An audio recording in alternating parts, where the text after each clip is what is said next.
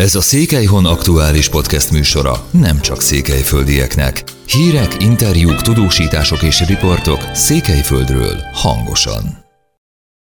Hó hiányában egyelőre kevés bevetésük volt a hegyi mentőknek. Maros megyében kevesebb, Hargita megyében valamivel több bevetésük volt a hegyi mentőknek az elmúlt időszakban, de így is jóval kevesebb, mint a korábbi években, hiszen a tavaszias időjárás miatt az idei szezonban kevesebb lehetőség van a szabadtéri sportokra. Az Országos Hegyi Mentő Szolgálat kampányt indított a turisták felvilágosítására és figyelmeztetésére olyan hasznos tudnivalókkal kapcsolatosan, hogy mire vigyázzanak, ha téli túrázásra indulnak, hogyan óvják meg testi épségüket, miként kerüljék el a baleseteket, illetve honnan kérhetnek segítséget, ha bajba kerülnek. Az erre a célra szerkesztett és nyomtatott szórólapokhoz a turisztikai információs irodákban, panziókban, síközpontokban juthatnak hozzá az érdeklődők. A hegyekben 1400 méteren felül hó van, legalább 30 centiméteres, de van, ahol az egy métert is meghaladja. Tudtuk meg Kovács Róbertől, a Maros megyei hegyi mentőszolgálat vezetőjétől, aki azt is elmondta a Székelyhonnak, hogy voltak akcióik, segítségnyújtásra hívták őket többször is a téli időszakban, de nem annyiszor, mint az előző években. Ez részben azzal is magyarázható, hogy Maros megyében a sípályák zárva vannak.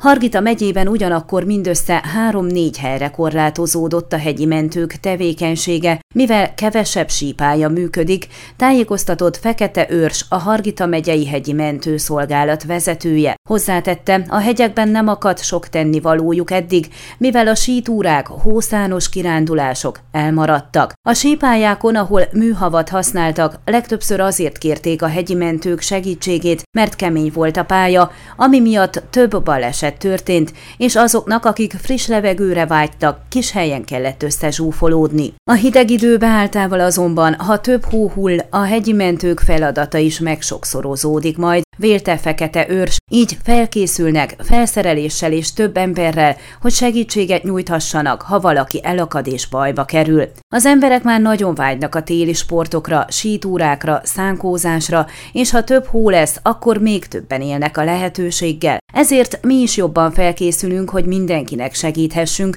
mondta a hegyi mentőszolgálat vezetője. Ön a Székelyhon aktuális podcastjét hallgatta. Amennyiben nem akar lemaradni a régió életéről a jövőben sem, akkor iratkozzon fel a csatornára, vagy keresse podcast műsorainkat a székelyhon.pro portálon.